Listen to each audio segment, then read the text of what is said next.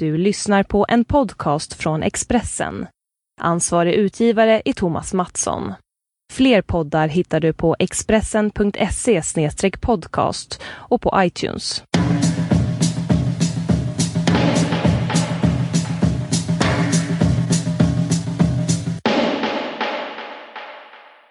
Hallå du! Hallå! Förlåt, gäspade. Läget? Det är bra. Hur mår du?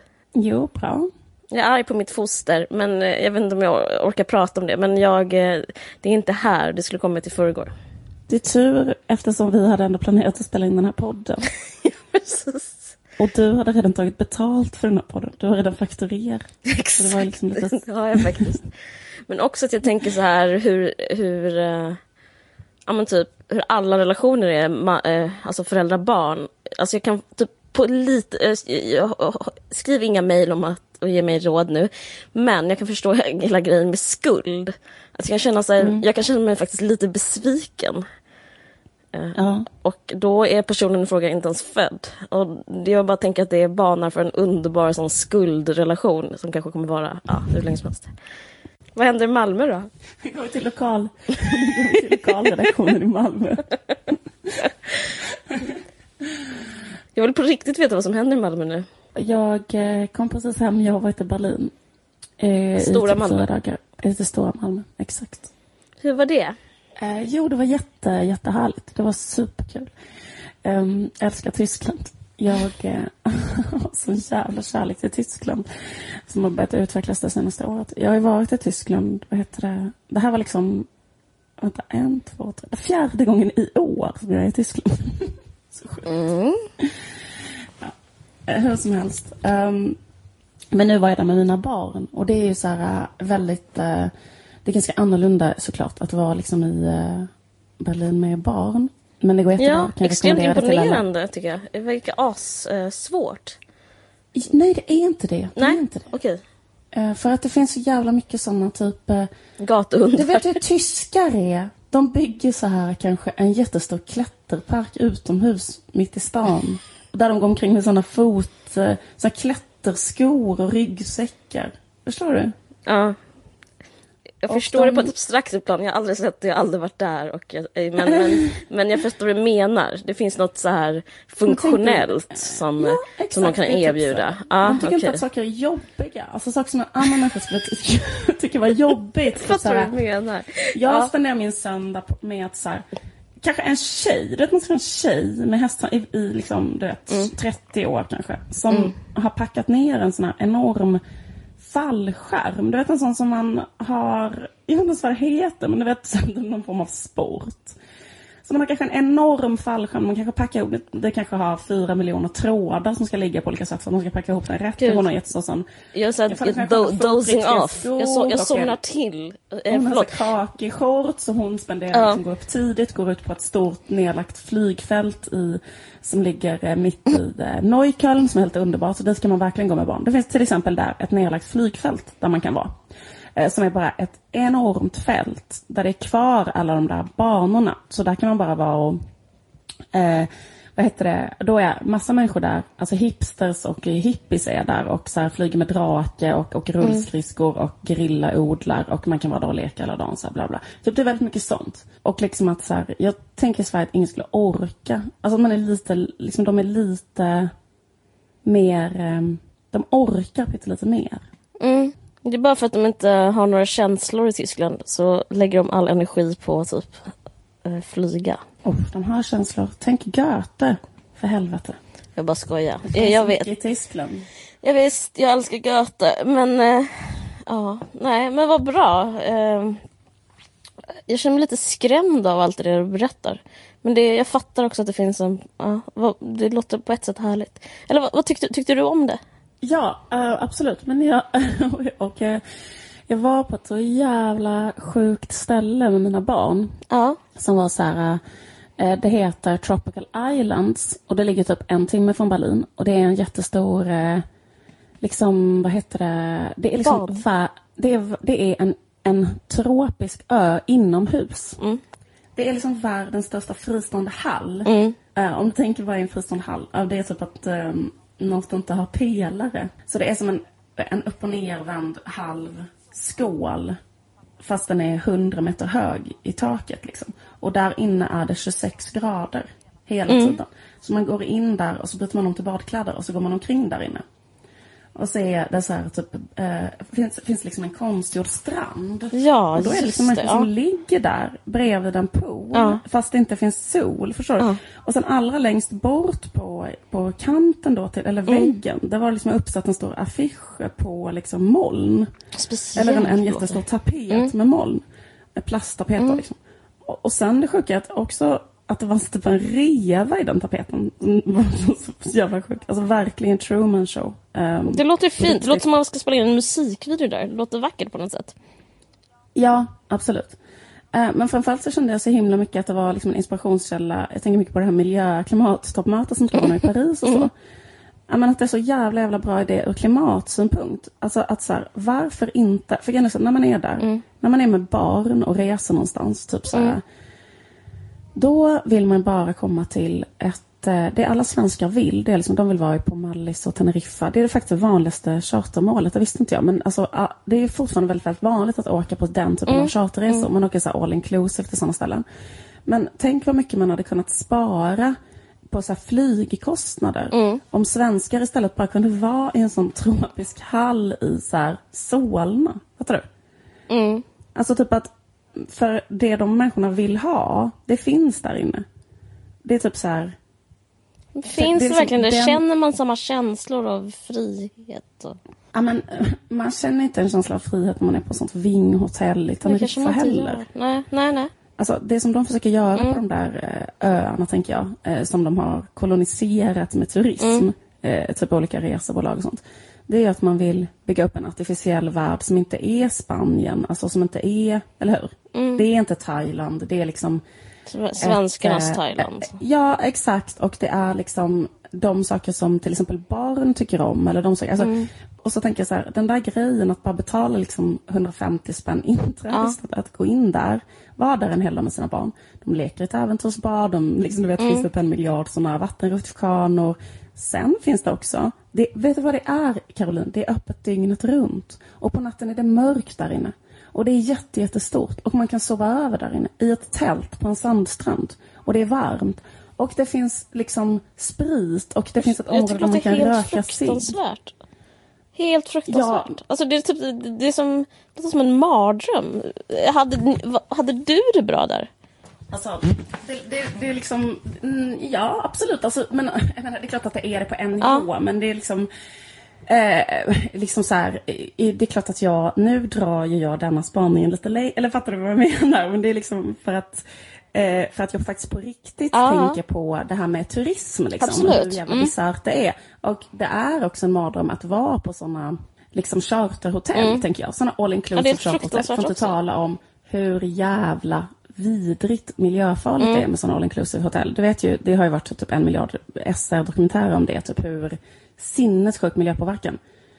Och så tänker jag så här, varför ska alla svenskar ha det som en konstig rättighet att till exempel åka till Thailand? Så här, Mm. Då kan man istället bara bygga ett Thailand liksom bredvid. Typ sådana rika kommuner där, ba, där folk åker till Thailand hela vintern. Då kan de liksom ha sitt eget Thailand bara bredvid kommunen i en sån hall. Alltså det skulle säkert funka. tunnel. Hur, jag fråga, hur gör de med ljuset? Är det liksom artificiellt solljus också? Nej, och det är bra idé, bra tanke. För det tänkte jag på också. Att det, det bästa hade varit om man hade en sån solarialampa. Mm, precis, som solterapi. För jag tror det är brun. mycket det som folk vill åt. Att få vara i solen. För det är så eh, deppigt här när det är så mörkt. Liksom. Men eh, Jag vet, men jag tänkte som inspiration. För nu håller ju alla länder på att göra så här frivilliga klimatmål. Ja. Alltså alla länder ska ju få skriva sina egna frivilliga klimatmål. Ska inte Sverige kunna så här, gå i bräschen för att sluta hålla på att åka på så himla mycket charterturism och istället göra ett eget frivilligt klimatmål som är att bygga sitt eget Thailand liksom utanför. Och sen kan folk, alltså ehm, ja men alltså, den, jag, jag tyckte också det var roligt det här att det finns liksom ehm, Alltså grejen är att jag tror inte du har liksom- så fel. För jag läste i fan, men typ näringslivsdelen i SvD om att det vi upplever nu med flyg, billiga flygresor är liksom bara som en slags undan, en parentes. Att snart så kommer det kosta liksom, vad det borde kosta. Alltså typ, eh, Ja. det är prognosen för att resa. Att det kommer bli så dyrt som det men borde alltså, vara, eller vad man ska kalla det. Ja. Så att, Man kommer se tillbaka på den här Ja. tiden så som vi ser på att man i Rom typ eldade upp slavar dem som facklor och var så här, varför inte? Det här är ju också en ljuskälla. Och sen bara, vad i helvete? Ja, men precis. Kristna som facklor. Eh, Men, men då liksom, men, och, och nu är vi bara så här, varför ska inte jag få åka typ så på åtta jättelånga flygresor varje år och liksom fucka upp hela klimatet? Alltså, ja, precis. Men det kommer sluta. Det kommer eh, upphöra. Ja. Och då Eh, kanske och då- behövs något sånt här. Men eh, för jag, bara, för jag, jag, jag menar inte att trasha din idé. Det enda jag känner, jag frågar det som öppen fråga istället. Fick du några klaustrofobiska känslor? Nej, för det är så stort. Ah, okej, ja. Men grejen är så att om du jämför det med liksom kanske ett vanligt äventyrsbad. Det är det, jag, det, är det jag Eh. har som referens. Liksom. En sån. Ja men exakt, det, det, tänk dig att du är på ett äventyrsbad fast det är enormt mycket större och det inkluderar också typ en djungel och sand och liksom båtar. Ja. Jag tror det har jättemycket att göra Eh. med vad man, är, vad man själv var som barn. För när jag, jag är så väldigt uppvuxen på fritids och dagis. Och det enda man gjorde liksom på loven, och man, vi var alltid där på loven också, det var just att åka till olika äventyrsbad. Så för mig är det, jag bara tänker att barndomen är så hemsk och i den hemska barndomen så ingår att tvingas liksom så här, få kallsupa i ett sånt vågbad. Jaha, så du har inte positiva Nej, nej, absolut inte äventyrsbad? alls. Alltså, det är som att du är så här, eh, Det är det jag menar med mardröm. Att typ, eh, för hela grejen med att vara vuxen är att man får välja själv. Men att man liksom helt plötsligt då ska... Eh, det är som en, så här, o, en ond dröm. Att man, man får inte välja själv. Istället ska man infinna sig på det där vågbadet igen. Eh, i sån, Men då, då, kan, då kan du få vara uppe i den här avdelningen där man kan få röra. eller dricka i alla fall. Att man skulle kunna bygga sådana här bubblor. Ja. Om man inte gillar äventyrsbad skulle man kunna bygga en sån här där det istället var det Rom där inne. Då kan man bygga ett litet kolosseum och så bara har man det inne i en sån jättestor upp och nervänd. Men grejen är att du, jag tror folk kommer gilla din idé men du, du, du har verkligen hittat fel publik i mig. För att, alltså jag är inte så, en sån som tycker vissa tycker det är kul att åka en ironisk Finlandsfärja. Det, det är typ Ja. det värsta jag vet. Men jag skämtar lite om det där med Rom. För Rom är ju ett ställe där man fortfarande kommer kunna åka även efter eh, alla de här klimatskatterna som vi måste införa kommer komma på flyg. För dit kommer vi kunna åka ändå kanske med tåg och så. Alltså Europa, Mm, så fett. tänker jag egentligen.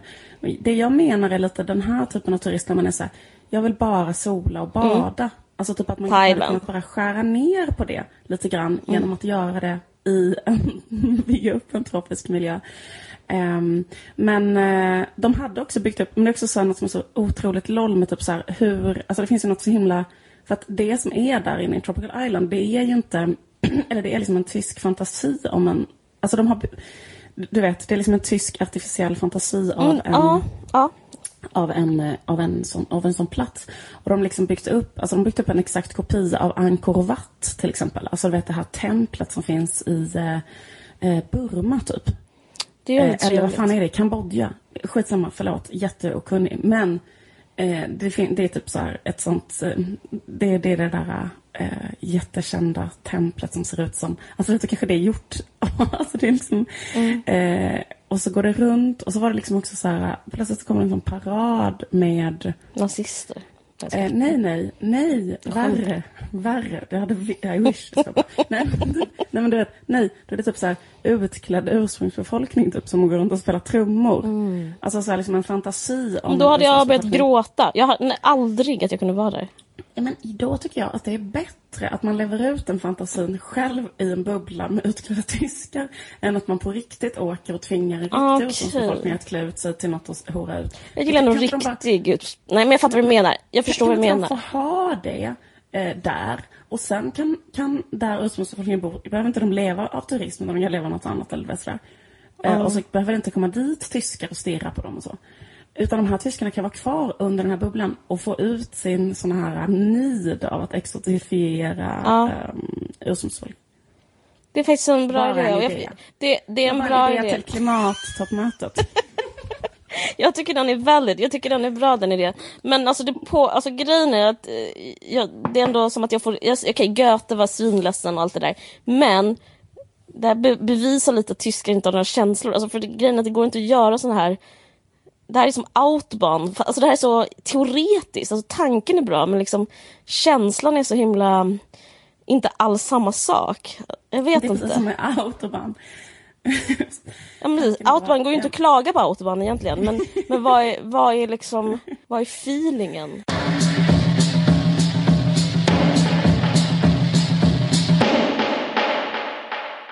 Som jag var inne på i början av det här avsnittet så skulle jag ha fött i förrgår. Eh, och det, jag vet inte hur många som lyssnar, eller du vet ju, för du har ju själv barn.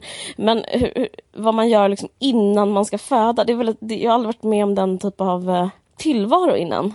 För det är som Nej, att man... är. Den är väldigt speciell och eh, det är som man inte vågar göra någonting men man kan samtidigt inte sluta leva. Så tycker jag man planerar. Typ att någon, Ja. man säger så här, ska vi åka dit imorgon? Så man säger ja. Så typ vill man ändå säga ja. För det är så jävla tråkigt om man då inte föder.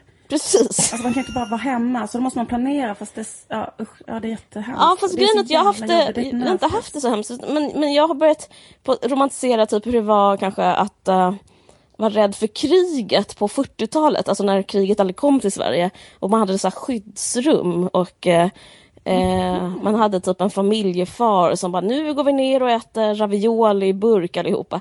Och det kan jag tycka är så himla mysigt att vara typ ett sånt barn på 40-talet och bara eh, liksom gå ner i en mörk grotta och äta ravioli. Alltså det kan tänka, Det är mysigt men Tropical Island är inte mysigt. det är vad du kallar lycklig Det barn. skulle jag säga, det skulle jag jättegärna vilja. Typ leka att ett, att ett flygplan med bomber kommer och man får vara med sin gulliga familj i en grotta och äta ravioli.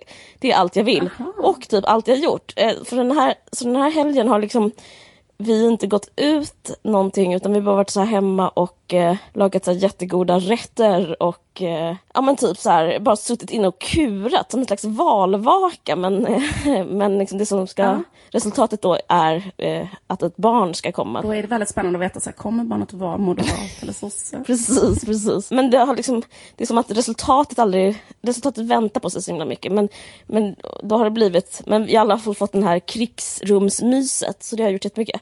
Men det här är bara en jättelång inledning på att säga vad man gör i ett eh, krigsrum. Alltså det jag, vi har gjort, och jag har gjort, det är att se extremt mycket på nya tv-serier. Liksom, eh, alltså amerikanska nya tv-serier från HBO och bla bla bla. Och jag har sett tre stycken som jag ska som jag nu har liksom, som blivit väldigt hypade. Eh, som de pratade om. Jag blev tipsad av den första genom Slate, den här Culture Gabfest. Så den, den heter You're the worst. Har du sett den? Nej. Okej, men det är intressant för det finns, eh, han heter Chris Gere, han som är i huvudrollen och han, och han ser exakt ut som Ola Söderholm som du har en podd med. eh, Så du måste kolla in den, ni två måste se den, i alla fall. Den heter You're the worst, det är viktigt att den heter det. Den andra jag sett heter eh, Difficult Så du tänker att det skulle, det kanske skulle kunna vara något för mig den tv Ja, jag tror faktiskt det. Den andra jag sett heter Difficult People. Aha. Den är en ny serie på HBO, producerad av eh, Amy Poehler som är känd för lite olika grejer. Och eh, den tredje serien jag sett är Supergirl. Eh, den handlar om, det är som Superman fast det är en tjej. Alltså är det fantasy typ, eller vad ska man säga? Ja. Det är sci-fi? Ja, det är det. Vad heter det? Ah, Okej, mm. Okej. Eh, Olikt dig. Jätteolikt mig, men jag har faktiskt inget att säga om det här förutom en sak som super, alltså sådana superhjälteskildringar måste sluta med. Och det är att det är så otroligt mycket backstory. Det är som att de inte, de inte tror på sin egen historia, typ så här, de måste prata om det om och om och om igen. Eh, hur allting gick till helt så logiskt. För att det, och det, är bara, det gör man ju aldrig annars liksom. Ja, jag såg första avsnittet och liksom 60% handlade om hennes här familjeträd. Det var, det var så tråkigt. Och sen så 40% är- handlar om att hon har extremt snygg kropp. Vilket hon har, så det kan inte jag säga någonting om. Alltså det, de exponerar den och den är assnygg. Så det, det är de två grejerna. Och sen så har jag sett de här andra serierna. Och nu ska jag prata fritt, jag har skrivit ner så mycket. Men okej, så här är det. Att vi pratade ju om Boys, som är tydligen mitt nya levebröd. Jag ska vara med i STIL nu på söndag. Det blir intervjuad om Boys på grund av det vi sa. Alltså STIL i P1. Eh, Okej, vad kul. Du vet att jag har blivit helt hooked på Boys. Jag har sett på två avsnitt igår på raken. För att det är Och här, bra. eh, Sitter och typ biter på naglarna för att jag vill veta vad som... Hur ska det gå med spelning på Trädgården? Det är det man undrar nu. Men du, ska du prata, i och med att du är med i STIL, ska du prata om deras mode i Boys? eh, jag ska prata om den nya mansrollen. Jaha, jag tänkte att du skulle prata om så här Nour El Refais vita hatt. Typ. Jag skulle kunna prata om att hon hade ett kvinnotecken på sig. Det tyckte jag var sämsta med det avsnittet. Va, att alla kvinnorna hade byxdräkt reagerade jag på. Alltså både Nor när de var på Fotografiska. Ja. Och även hon den här Josefin nya Ljungman, ja. Hon hade också en byxdräkt. Precis. I för fin byxdräkt men det var ändå... Nej, men jag, jag, nej, jag ska prata om den nya mansrollen.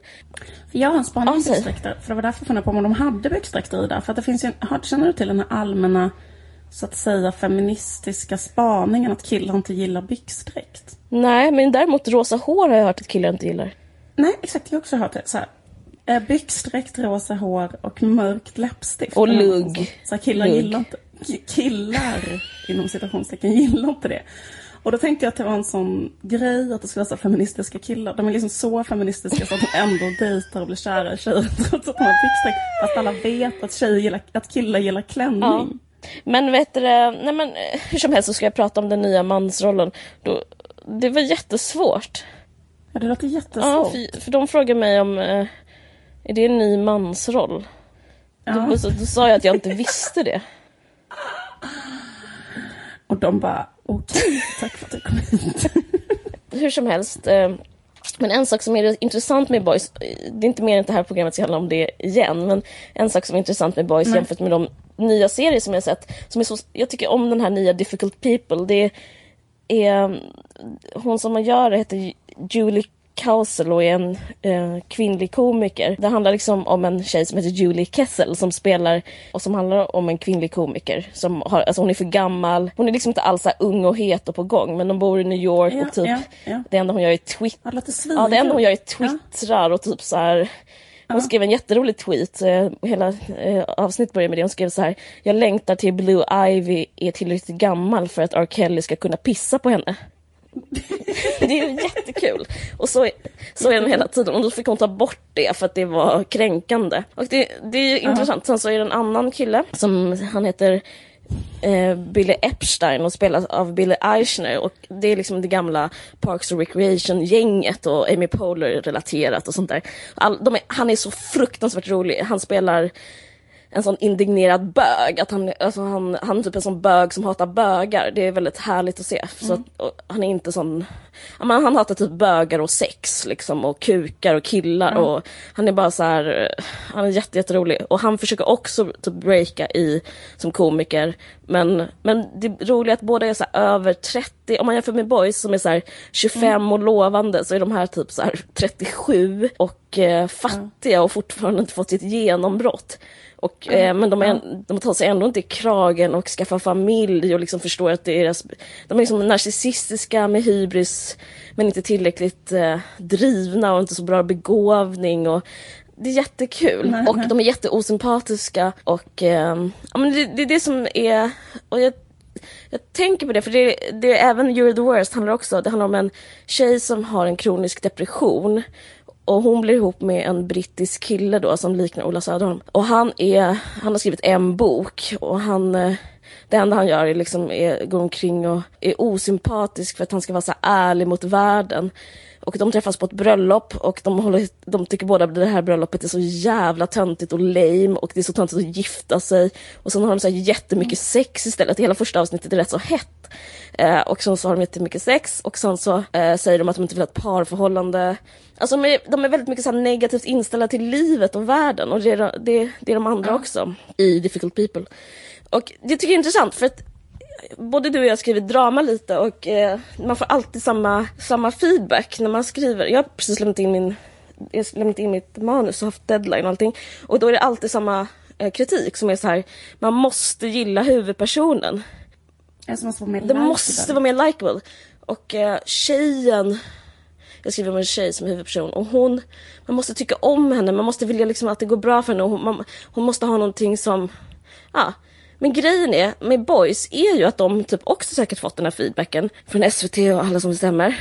Nu är jag så andfådd och gravid igen, jag ber om ursäkt. Hur som helst, eh, det är inte för att jag är så helt uppeldad av det här, men det är bara för att jag typ föder as we speak. Hur som helst, eh, boys har fått den här kritiken säkert och då är det så här att de det de har gjort nu, det, alltså nu i efterhand när man jämför de här två serierna är att de är super likeable. De är jättegoda killar, jättesympatiska och man hatar det. Det är ju det alla hatar. Att de ska försöka vara så feminister ja. och vara snälla och typ inte vara så, inte ta så mycket plats typ och eh, ja. kanske ha så känslor. Och, men, men så ser man det här och är lite underdogs. Underdogs och typ så här, eh, förlåt att vi finns, typ den stämningen. Eller han är i alla fall det, den ena för han är så här eh, olycklig. Ja men precis, men han är liksom ingen, eh, han, ingen, han drivs inte av aggression i alla fall. Nej. Och tydligen så är det, det därför man ska gilla honom som huvudperson.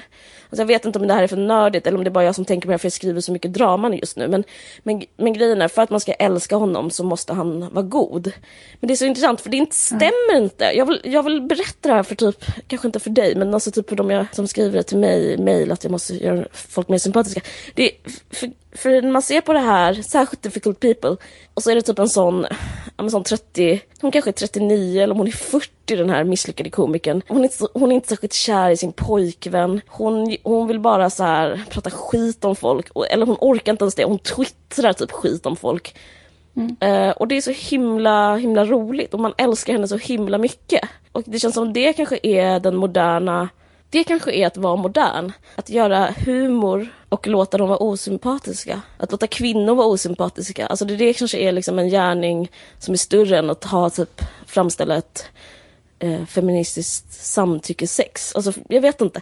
Men det, det, är intressant. Ja, men absolut. Men jag tycker också att det känns som att, så här, eh, att eh, det är förvånande, den mm. där grejen att så här, man brukar få feedbacken att eh, huvudpersonen inte är tillräckligt likeable. För att allt som är kul när man mm. tänker tillbaka på det, eller det känns som så här, att det också inte är något modernt fenomen utan att så här, nästan alla, jag, menar, tänker på så här, eh, helt mm. hysteriskt med Patsy och Edina eller typ eh, The Young Ones eller alltså typ att alla så här roliga gamla eh, tv-serier handlar om folk som är as och det är det som är kul. Jag vet! Typ, för alla karaktärerna är as typ, och det är jätteroligt. Jag vet men okej, då, det håller jag med om. Att då kanske, men då kanske det är en slags backlash, att det ska vara så här, men de måste vara goda för att det ska kunna bli bra. Alltså att det, att även på... Eller att det är liksom för att man ska vilja att det ska gå bra för att annars kan man inte få känslomässigt engagemang. Men det kan man ju, man, man älskar ju eh, folk ja. som är svin. Det är jätte, jag, jag är helt chockad över att det är den här trenden just nu i Sverige om att det ska vara att man inte får vara ett svin. Jag läste en mm. intressant grej om varför man inte gillar sympatiska människor.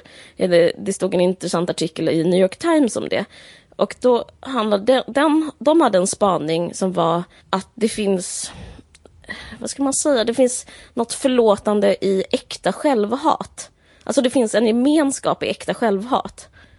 Ja, ja. För att när vi ser någon som har en bostadsrätt i Sofo som det går rätt så bra för, men som är snygg, inte överviktig, har en trevlig mamma, allt det där. Då så är det svårt att känna icke-hot, eh, liksom enligt den här New York Times-artikeln. Så att det här handlade om då eh, Difficult People, det var en recension. Och då så varför tycker vi om någon som är så jävla vidrig i frågan? Jo, det är för att de inbjuder till en till ett genuint själv, ett delande av genuint självhat. För det finns ja. två typer av självhat. Det som är koketterande självhat, som är så här, och, jag passar inte alls i den här klänningen, eller jag fick... Eh, så är jag. Så är du. Var inte sån.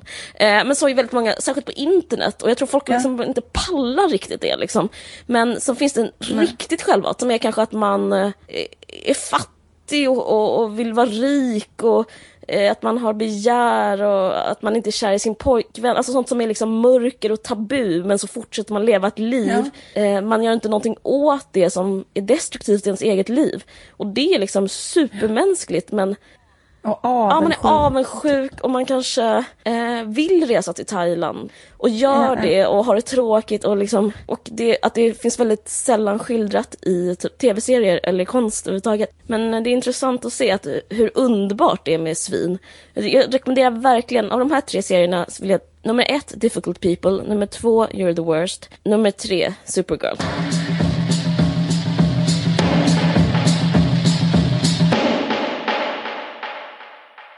Ja, det har ju kommit ett nytt, eh, eller det ska, alltså den har typ inte premiärvisats? Jo, eller? det har den på Kulturhuset. Okay.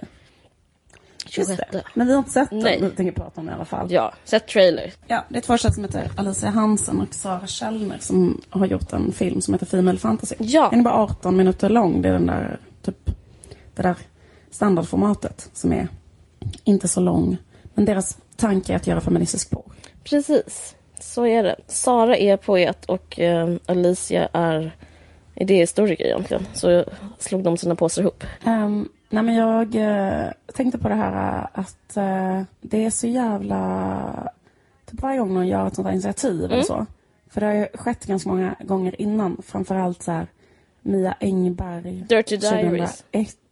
Ja precis, och redan innan gjorde hon den här Selma och Sofie 2001. Den har jag sett. Jag sett Dirty Ja, Diaries liksom som är typ- jättebra, som kom Ja, 2009. och, precis, sen gjorde hon Dirty Diaries. Um, så här. Men jag kommer ihåg när hon gjorde Selma och Sofie och hur den debatten var om den filmen.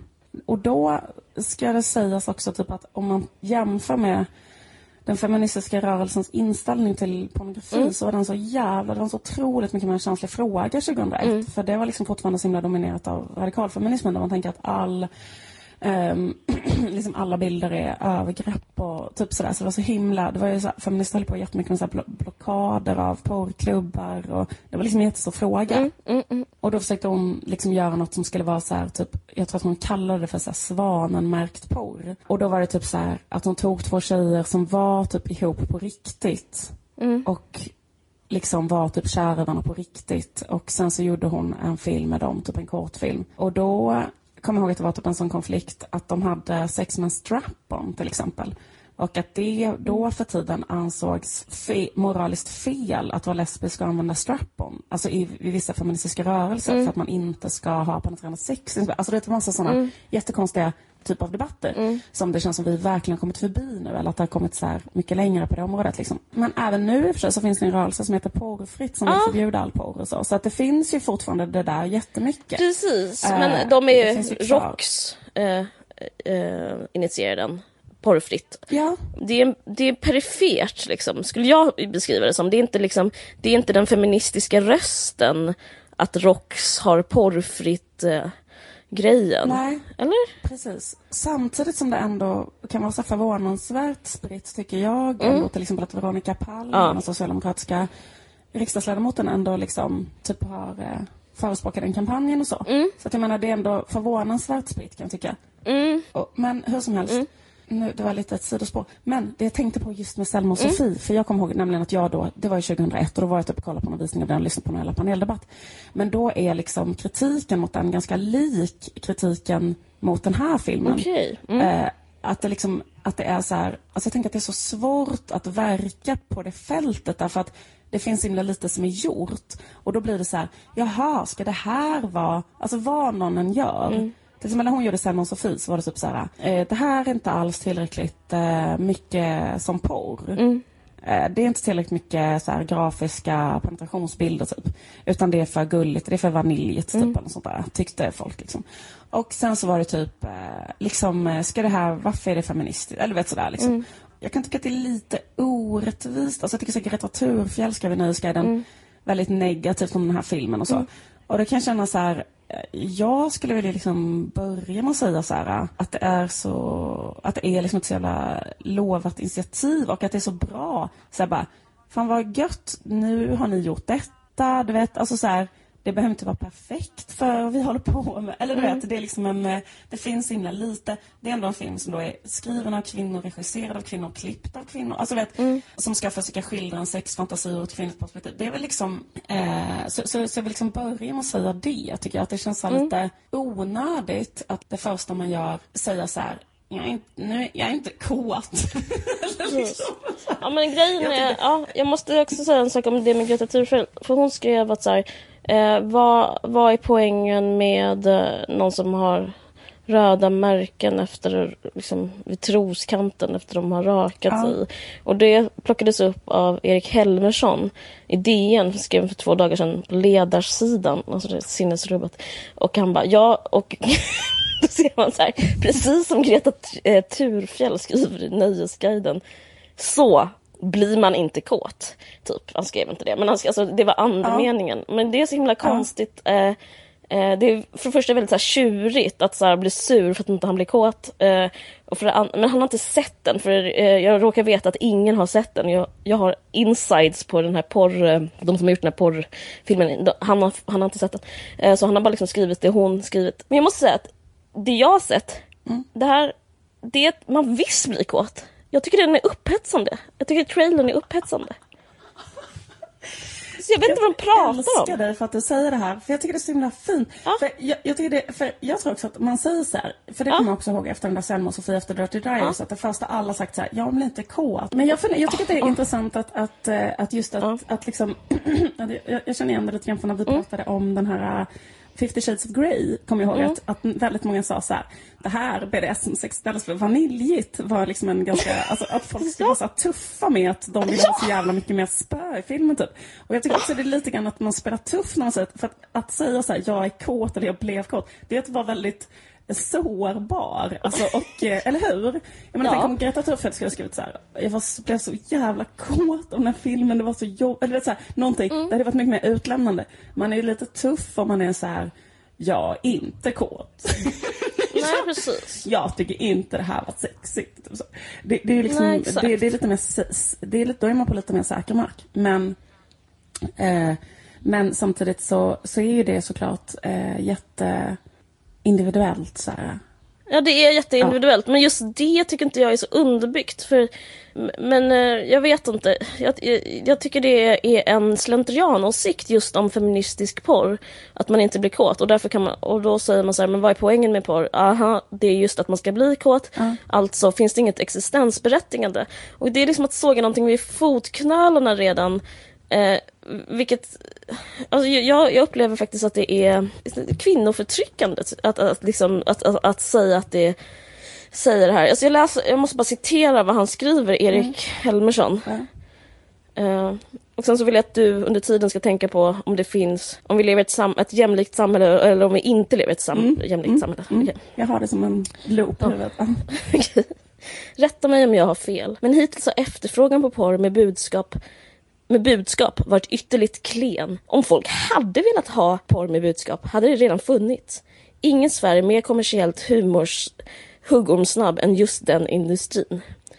Alltså då menar han att anledningen att det inte finns porr, inte feministisk porr, för det säger inte ens att female fantasy, de säger inte ens att det är, de säger bara porr som utgår från kvinno, kvinnors lust, alltså kvinnors kåthet liksom.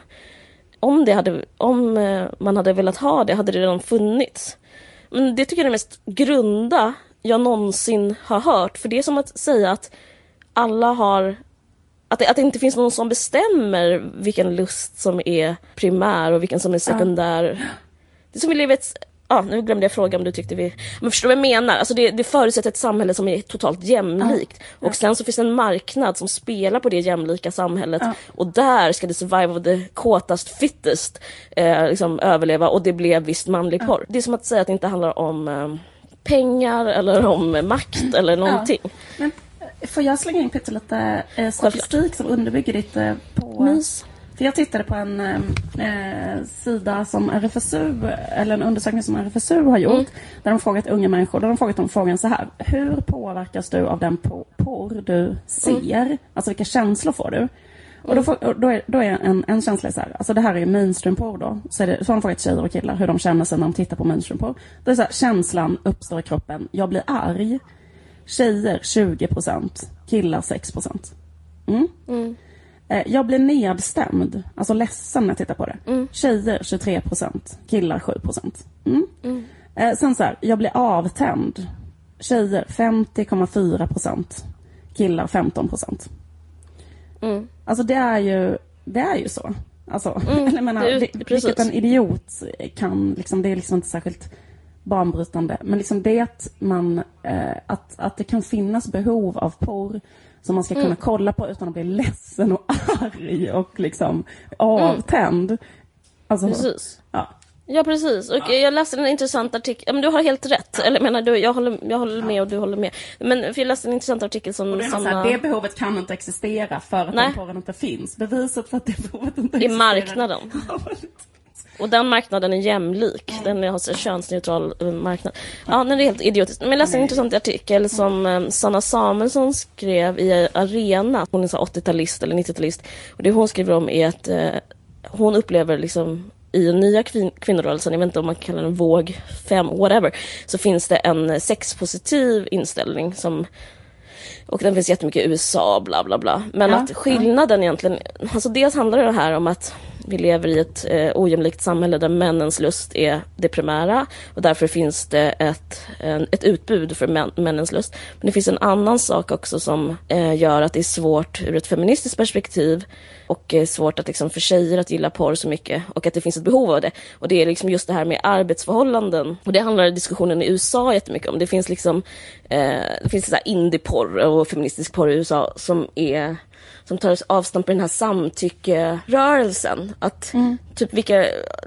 till exempel i mainstream porr så får man inte be om kondom för då så får man inte lika många gig liksom. Och, eh, om någonting gör ont kan man inte säga det för då så kanske inte man blir populär nästa gång. Och att det finns den typ av aspekt också med, med porrindustrin som också utgår från det manliga perspektivet och att nu så börjar det göras mer så här samtycke och typ så här, vad ska man säga, fackföreningsmässig porr som fortfarande handlar om att så här knulla någon hårt bakifrån men alltså att bara, man gör det kanske med en kondom och båda är med på det. Så att det är så konstigt av Erik Helmersson att säga att det handlar om att det ska ha ett budskap för hela den rörelsen handlar liksom noll om budskap utan Nej. bara om Ja men typ, känns det bra för dig så känns det Absolut. bra för mig. Liksom. Ja men ett, liksom ett sätt att stämpla något som feministiskt porr är ju bara exakt den där grejen. Att så här, alla har fått typ kollektivavtal, lika Mm. Ja. mycket betalt och alltså du vet att det liksom är att det, och att det inte finns något sunkigt i själva inspelningssituationen. Liksom- Exakt, ja.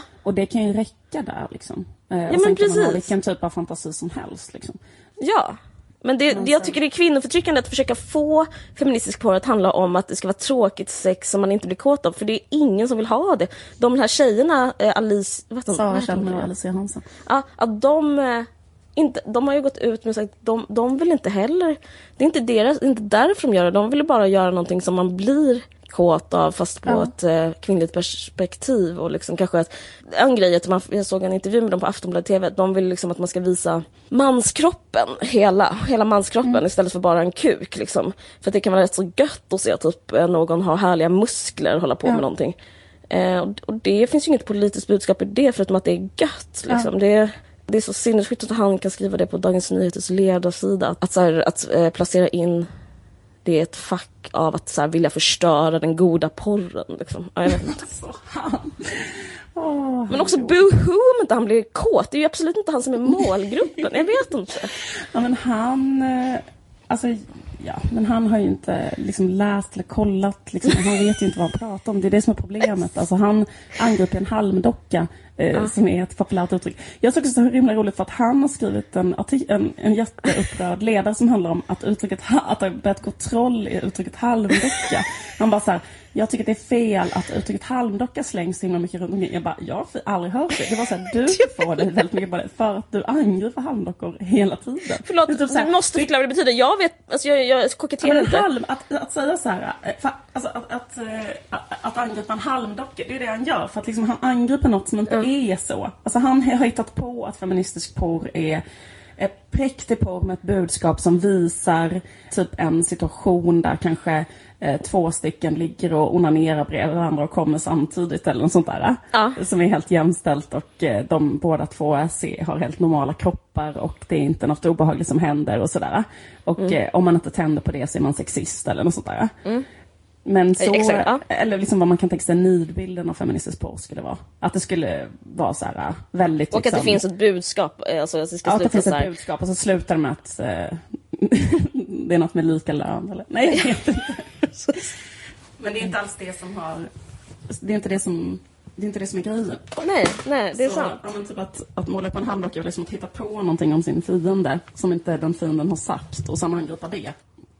Ja, men det är exakt det han Eh, gör, det skulle jag säga. Ja, precis. Intressant. Nu har jag lärt mig det här med halmdocka. Jag ska säga det. Men läs något spännande debattinlägg om att ordet halmdocka används så mycket.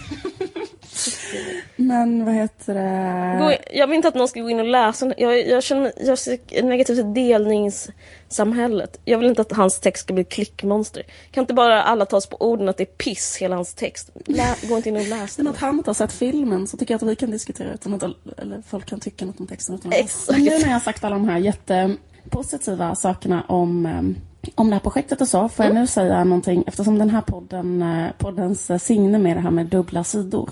Eh, Januspodden. Janusansiktet. Att det finns, det väldigt ofta är så att det finns eh, olika sidor som existerar samtidigt. Nej, men en sak som jag tänkte på med den här uh, porren som de har gjort. eh, att jag tänker att det var, det var något som var så oerhört loll med vilka som är skådisarna. Att det är... ehm, ja. Susanna Alakoskis dotter. Ja, inte bara Susanna Alakoskis utan också hennes pappa är den här Mats Söderlund som också är en jättekänd poet och författare. Är ju pappan till henne. Hallå? Okej, ja, men jag blev bara så chockad. Nej, men att hon är sånt mega, alltså det går inte att hitta mer kulturellt kapital. Och förutom om man också tittar på den andra skådisen som är barn till Horace Engdahl och Ebba Witt-Brattström. Nej! Nej! Är det sant? Alltså Ja. det här verkligen gjorde min dag. Men det håller jag med om är porrigt. Att, de, Men- att, men att Horace. Horace son... Det är så underbart. Ja, men det är kittlande Jag måste jag vet, säga. men jag tycker att de borde ha spelat mer på det. Men jag ska återkomma till det sen. Ja, mm, men grejen är att det var som att de ville inte, alltså, de ville inte spela på det. För de märkte så här, i Aftonbladet TV så ville Aftonbladet TV lite grann ta upp den grejen. att Det är, så här, det är ju liksom väldigt så här, hippa konstnärsmänniskor som Ja. är, har enormt kulturellt kapital, vit medelklass, du vet jätte, jätte, alltså, alltså så, alltså de är som adel, alltså Ja, visst. kulturadel. Går inte att hitta med kulturadel. Och sen så försökte liksom, vad heter det, den här journalisten på Aftonbladet TV typ ställa någon fråga om det. Så här, bara, ja, det är de. Och då var de så här, nej, de är här i egenskap av sig själva. Och det finns inget. Och sen sa de så här också, det tyckte jag var rätt så kul. För de har fått lite kritik så här. eh, Varför är skådisarna vita och smala? Eller någon sån där kritik, typisk kritik. Och då sa de så här, nej men vi hade inte tittat hit, vi bara tog våra kompisar.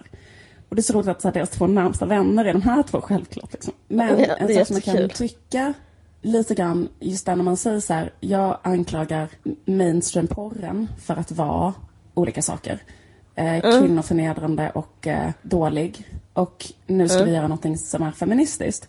Det finns liksom någonting i så här att, att eller är det det att de vill göra feministisk porr eller eller är det att de vill göra porr med en medelklassmänniskas smak? Ah, ah. Alltså typ att, liksom är det att de vill att det ska vara en tjej som är snygg enligt medelklassnormen, alltså har jättesmå bröst och en utväxtblondering och en kille som är snygg enligt en medelklassnorm istället för att, med, så att medelklassfeminister som röstar på Fi inte ska behöva utsättas för det estetiska övergreppet som det är att titta på vanlig porr där, där kvinnorna har liksom hårförlängningar och sådana lösögonfransar och lösnaglar och killarna har tribe-tatueringar och spraytan och att det är en estetisk, eh, alltså att det, att det, att det, att det liksom finns en aspekt av att så det är det de Jag vill fattar vad göra. du menar, vad göra intressant. Ja. vänlig porr snarare än feministisk porr. Så det är, ett, det är liksom något som jag tänkte på och liksom garvade lite åt på något sätt. Eller du vet så att så vi som går på Konstfack ska fan inte behöva klittra till en sån här tjej med hårförlängning. Alltså, för det är så fult. Men sen tänkte jag verkligen så på det du sa också, att så här, det hade varit roligare tycker jag, för man hade liksom gått längre, alltså man hade så här, varit helt öppen med det, att det handlar om det och att det är också något porrigt i det, att det är barn till eh, Ja. vad heter det, kända människor, att det är så här, har du blivit Det är så hett. stor Marcel? Jag minns ju dig Det från en vimmelbild. När du bara var, eller förstår du? Det finns något... Verkligen. Också Ehm, typ så här, eh, vad oj, oj, härligt oj. Att, att du inte är lika så här tidy och ren som din pappa och typ eh, du är mycket mer mindre rigid eh, feminist än din mamma. Alltså att man liksom, Exakt, att det finns något Det finns något sexigt, schabbigt med det. Och Berätta om finns- Gamla stan Marcel, berätta, hur har ni det på Gyllene Freden Och det Marcel? skulle kunna vara så här, äh, alltså att man hade kunnat, att, jag tycker att det hade varit bättre om porrfilmen hade utspelat sig, alltså det kanske hade kunnat vara att de är två barn som följer med sina Ja. föräldrar till, det kanske är fest på författarfonden eller något sånt där. Precis. Och sen är Eller det bara typ, liksom i eh, Gamla stan på liksom på Svenska Akademin, att de så här gör rent på bordet och bara liksom har sex i deras smuts, så här, eh, de lokalerna, som anrika lokalerna. Liksom, Exakt, att, det- att det var, eller att det är så här med, med eller jag tänker så här, ehm, någon hemma, jag vet inte om jag tänker på någon form av hemma, alltså man hade kunnat göra att de fortfarande bor hemma. Gud, och att det är en helt underbart. fest. Och eh, en äldre kulturkvinna antas där, Marcel, i början. Han Helt gillar det. Det börjar med det. Sen kommer Jana in.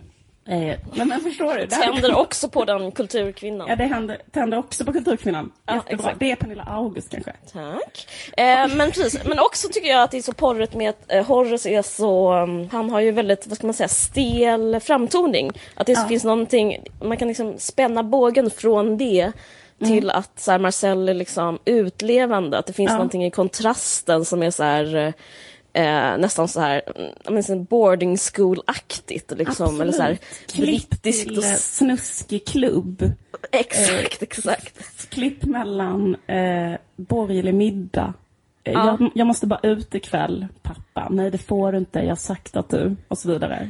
Exakt, så det finns något så straffande och sånt Ja. kanske att det är någonting med Eller att de har det, eh, att de måste vara med på en borgerlig tillställning och då, men då kanske de är kåta där. Att det Ja. liksom eh, försöker så spränga Att så här, det här, har du sett det här biblioteket Ja. då? Typ. Det här lilla biblioteket. Ja. Det, det, det skulle absolut vinna på att, eh, att liksom, för nu var det väldigt mycket så här att de absolut inte ville prata om det, att det var just Ja, dem. trist.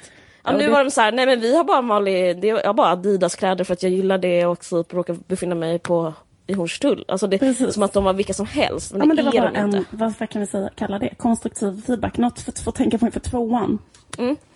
Vi stöttar det här, eller, men jag ska inte prata för oss båda, men jag tycker det känns eh, asfett med det här projektet faktiskt. Jag är verkligen intresserad. Hoppas det blir... Om, Hoppas de får om vad heter det, så SFI lyssnar på den här podden. Ja, nej, men jag tänkte just på det där med, eh, som, också som Erik Helmersson sa, med eh, porr med budskap. Att det är så himla avtändande för det man vill i porr, det är att det ska direkt vara en sexscen. Men förlåt, nu kommer jag att säga något som är könsstereotypt och liksom jag är inte, alltså jag eh, är inte Okej, men då lägger vi på. Jag ska, Eh. säg. Ja, men jag är liksom ute på lite halt vatten här. Eller vad heter det? Äh, Svajigt vatten. Men... Svajigt vatten heter det inte. Nej, det heter Men- inte det. Men det, det, alltså okej. Okej. Kör. Det skulle kunna vara så att vissa tjejer är mer intresserade av att bygga upp en sexuell spänning och en relation in att det är det som är hett och sen är det hett att se när de har sex. Men liksom att det, är liksom, det här är liksom en könsstereotyp bild, men jag, menar, jag tänker att den är rätt underbyggd om man kollar på vad kvinnor egentligen tänder på. För när man snackar om så här, bara, det behövs porr för kvinnor, bla bla. Så så här, det finns ju extremt mycket porr för kvinnor. Alltså, jag menar, alla 50 Shades of Grey har ju sålt i 60-90 miljoner exemplar, kanske översatt till 52 språk. Alltså det är ju kvinnor som liksom onanerar till det. Alltså det är ju verkligen något som gör kvinnor kåta. Och där tror jag att, de, att det man blir kåt av i den boken, nu har inte jag läst den, men jag kan tänka mig att det är någonting i settingen eller att det är uppbyggnaden som gör att det är en sexig em, premiss. Eller fattar du vad jag menar? Men jag håller inte alls med, Alltså, men jag jag fattar vad du att det menar. är en sexig premiss. Nej, eller jag håller inte med om att det är så. Jag tror att det där säger något mer om dig eller dina erfarenheter än... Jag tror inte det är en kvinnlig... Jag tror inte det. Eh, Jag, jag tror att visst tjejer gillar alltså grafisk ja, Jag porr. tror också att tjejer gillar grafisk porr, men jag tror liksom att att det liksom inte är, alltså att bara se ett klipp, eller fattar du vad jag menar? Jag tror att det också skulle kunna tillföra någonting till ett klipp. Om man, alltså, om man vill göra så här mainstream porr för kvinnor, Mm. då tänker jag att man skulle göra så här. Fyra bröllop på en begravning, ta en tjejfilm och sen i liksom mitten Andy McDowell och eh, Hugh Grant träffas där på första bröllopet och ligger med varandra. Då bara filmar man Hugh Grants kuk. Jättelånga grafiska scener. Men du menar då Eh. att, det be- att det är beroende av typ en, sånt, en sån herrgård på engelska landsbygden för att Nej, det tror jag inte alls. Men jag tror liksom att, så här, att, att om man tänker på vad en tjej, alltså vad typ så här, en svenne-tjej gillar, så är det så en romantisk komedi. Alltså att ett sätt att göra feministisk porr skulle kunna vara att också göra det i settingen av en sån typ av, ett, ett, ett sånt upplägg. Ja, Typ okej. här, Mm. att ehm, ta en typisk skrivfilm, fyra bröllop på en begravning igen. Nej men förstår vad jag menar? Och sen Mm. är det bara en, eh, i fyra bröllop på en begravning så är det liksom en 20 minuter lång scen när Hugh Grant slickar Anne McDowells fitta jättegrafiskt. Förstår du? Jag fattar.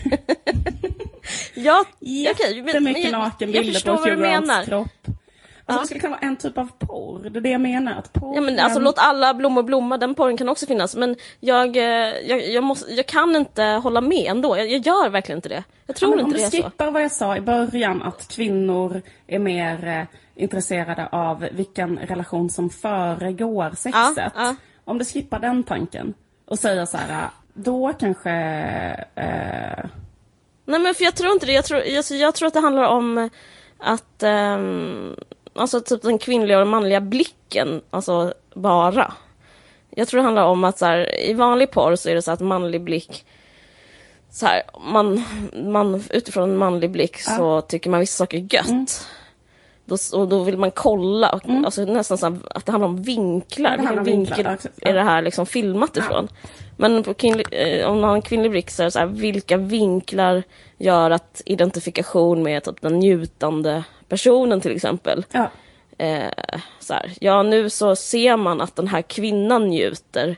Eh, det, är, det är typ den största grejen med porrfilm, alltså mainstream porrfilm, att det, eh, det är mannens njutning. Och, alltså, det, och så, jag menar inte typ så här, det, och då vill jag verkligen säga, jag, får nu inte in Helmersson att jag säger någonting typ det handlar om analsex. För grejen är att om det är analsex och kvinnan njuter, det är det som är problemet. Att det finns liksom inte den... Eh, och det, jag tror det jag tror faktiskt det finns ett behov. Alltså jag tror att man är olika som person också. Att vissa gillar så här eh, fantasieggande bilder och berättelser och vissa så tänder på det och andra tänder kanske bättre på typ beröring eller jag vet fan, någon kärlek, jag vet inte. Men jag tror att typ, om man är så inne på att eh, tända på bilder så, så tror jag det, det är bara det.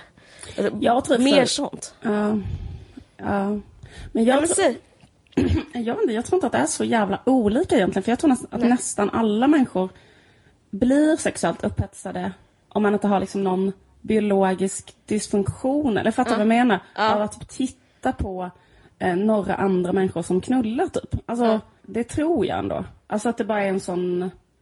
Eller att man börjar Jag vet, men, men, men vill det, man inte eller- identifiera sig som man liksom, typ kan vara den som bara, fan vad skönt det vore om någon gjorde det på mig eller att jag fick göra det med någon.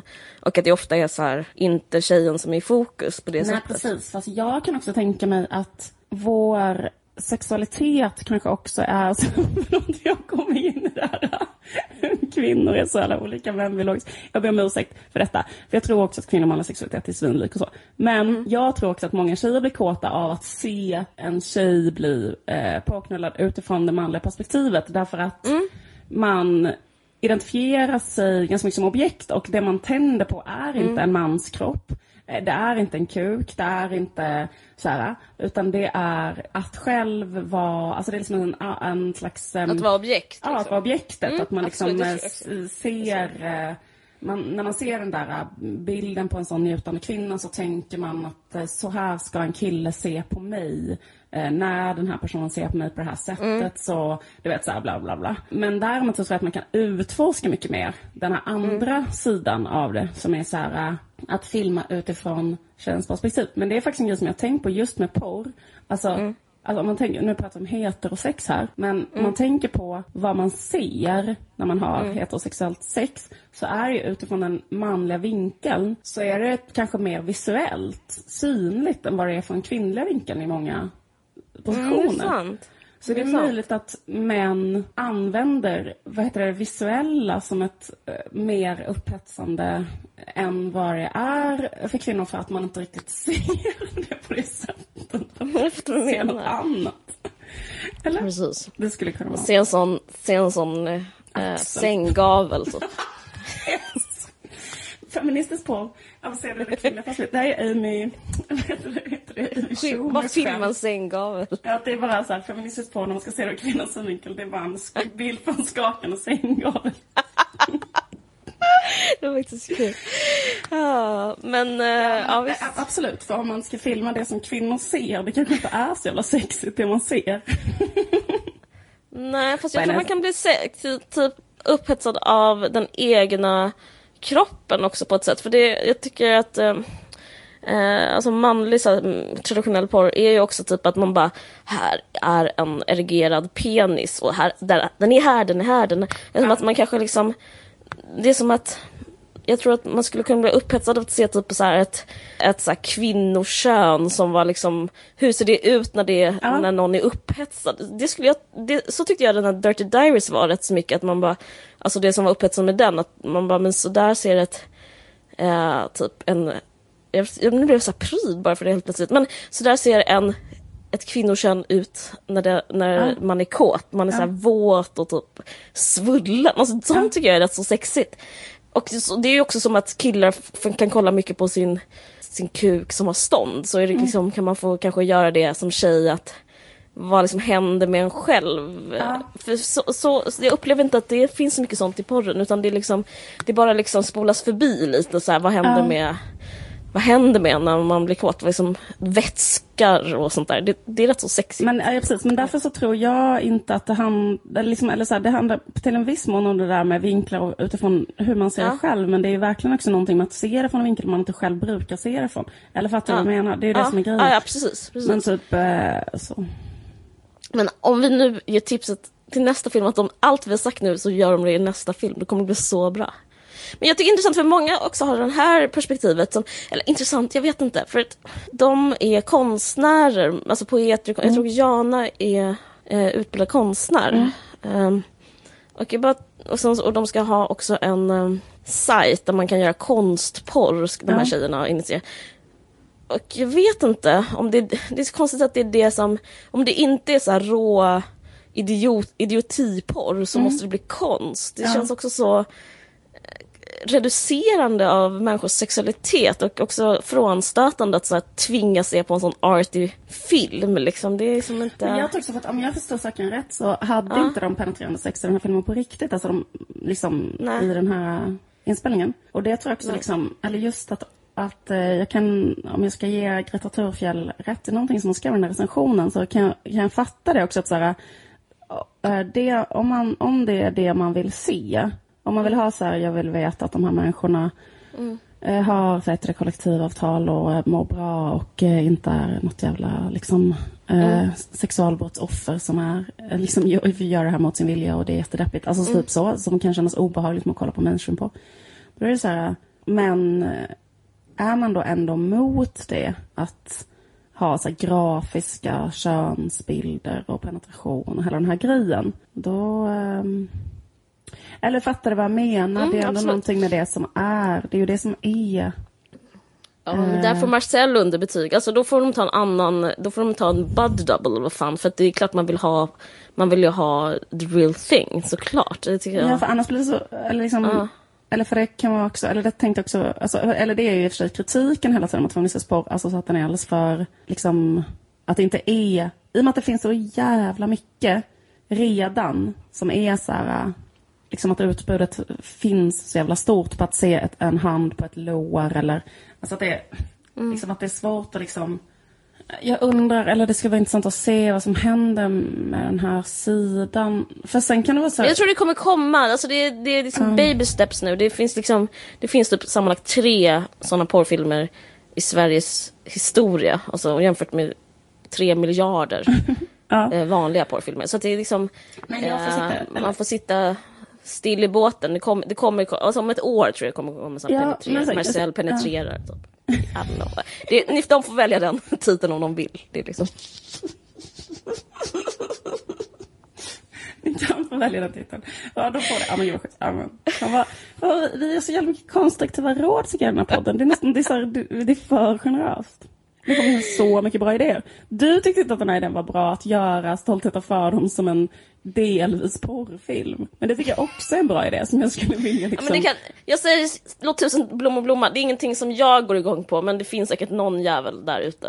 Eh, Men Men, men okej, så här då. Att i slutet av en vanlig, tänk dig en vanlig svensk romantisk komedi. Mm, Glada hälsningar från Midsommarträsk, exempelvis. Efter hela är klar. Jag gissar att de blir ihop i slutet.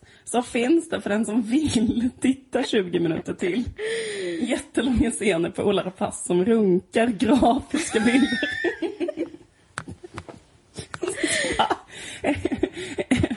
Eller typ har bara liksom jättemycket penetrationsbilder. Det, det är liksom, alltså att det skulle kunna Jag finnas en möjlighet.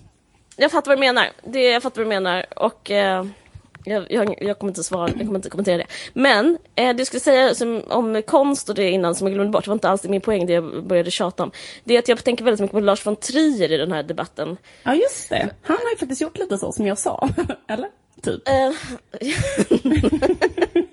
Ja, just det, han gjorde sån engelsk landsbygd, så allt var mysigt. Så, så Nej, men jag menar att han gjorde någonting där det också är en, eh, eller eh, alltså Ah, att en försöker- han vanlig försöker regissör också Precis. inkluderar porr i sin film liksom. Precis, och han är jag skulle inte ens säga kalla honom vanlig regissör utan kanske eh, världens nu levande bästa regissör. Så Ja. att det, också, det, det har ändå nått att det är just han som vill eh, att han, jag, han, han är så fruktansvärt bra, så fruktansvärt intelligent. Jag läste hans biografi här om sommaren och eh, han, han är helt besatt av porr. Det är och för sig till lite, alltså, jag- vi ska inte gå in på det för mycket, typ att en sån manlig regissör är besatt av porr. Alltså det är som, ja, det, det, I och för sig han är rolig när han pratar om Bergman. Han pratar om att hur det enda Bergman gjorde var att sitta och runka hela Ja, tiden. Det är jag också, det. fast det är också insiktsfullt, för det tror jag också att han gjorde. Men skit i det. Eh, Men jag tycker det finns ett intressant projekt där. Men har du sett något han har gjort? Någon porr Lars von Trier har gjort? Nej, Nej. det har jag inte. Men jag vet att han vill göra det. Han vill göra, alltså han Ja, gjorde men det i det sin tycker jag man har ungdom. hört i tio år att han vill Jag göra vet, det. men det finns ju ingen, det, det finns ju inget, mm, vad ska man säga, det finns inget mottag, han, han möts ju inte upp.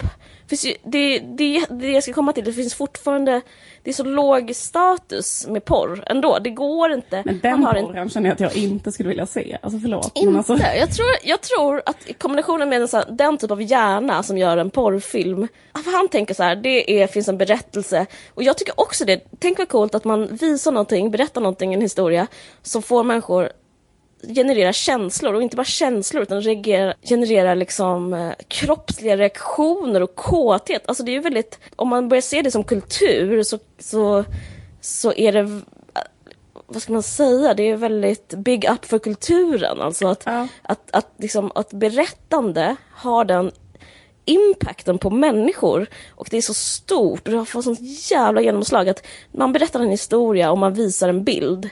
Det är typ samma sak som litteratur och konst typ, eller vanlig film. Och sen så händer det så jävla mycket med åskådaren. Det finns ju någonting ja, där. Men jag tänker att det Larsson, varför sa jag vill inte kolla på det? Då tänker jag att det ska vara så här tjocka, blekfeta, utvecklingsstörda danskar typ så här. Men nu är du som Erik. Helmersson. Vad sa du? Nu är du som Erik Helmersson.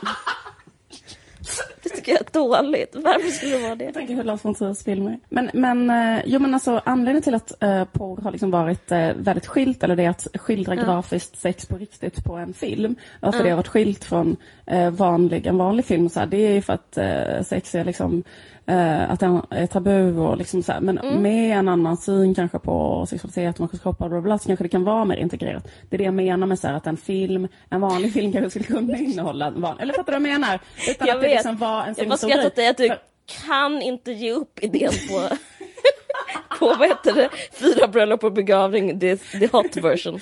Eller så här, Jättekul. vad heter det?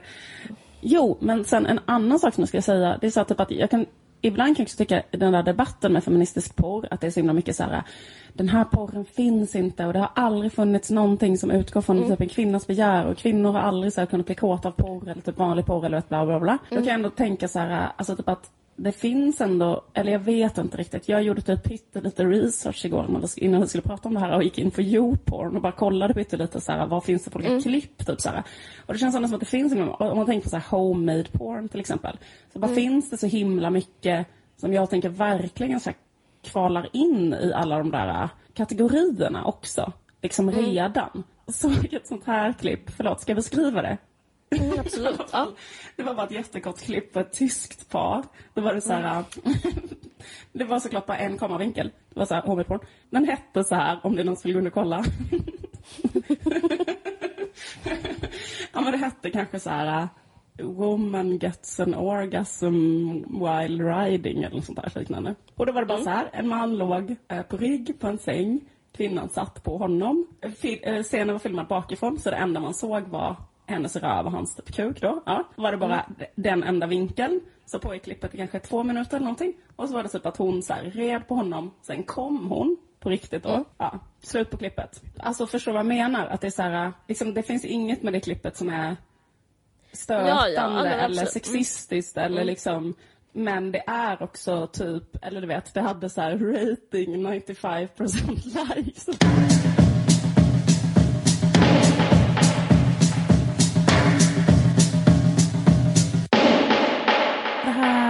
Är en podd som heter En vargsaxin podd och den görs av mig, Liv Strömqvist och av Caroline Ringskog Frädanåli.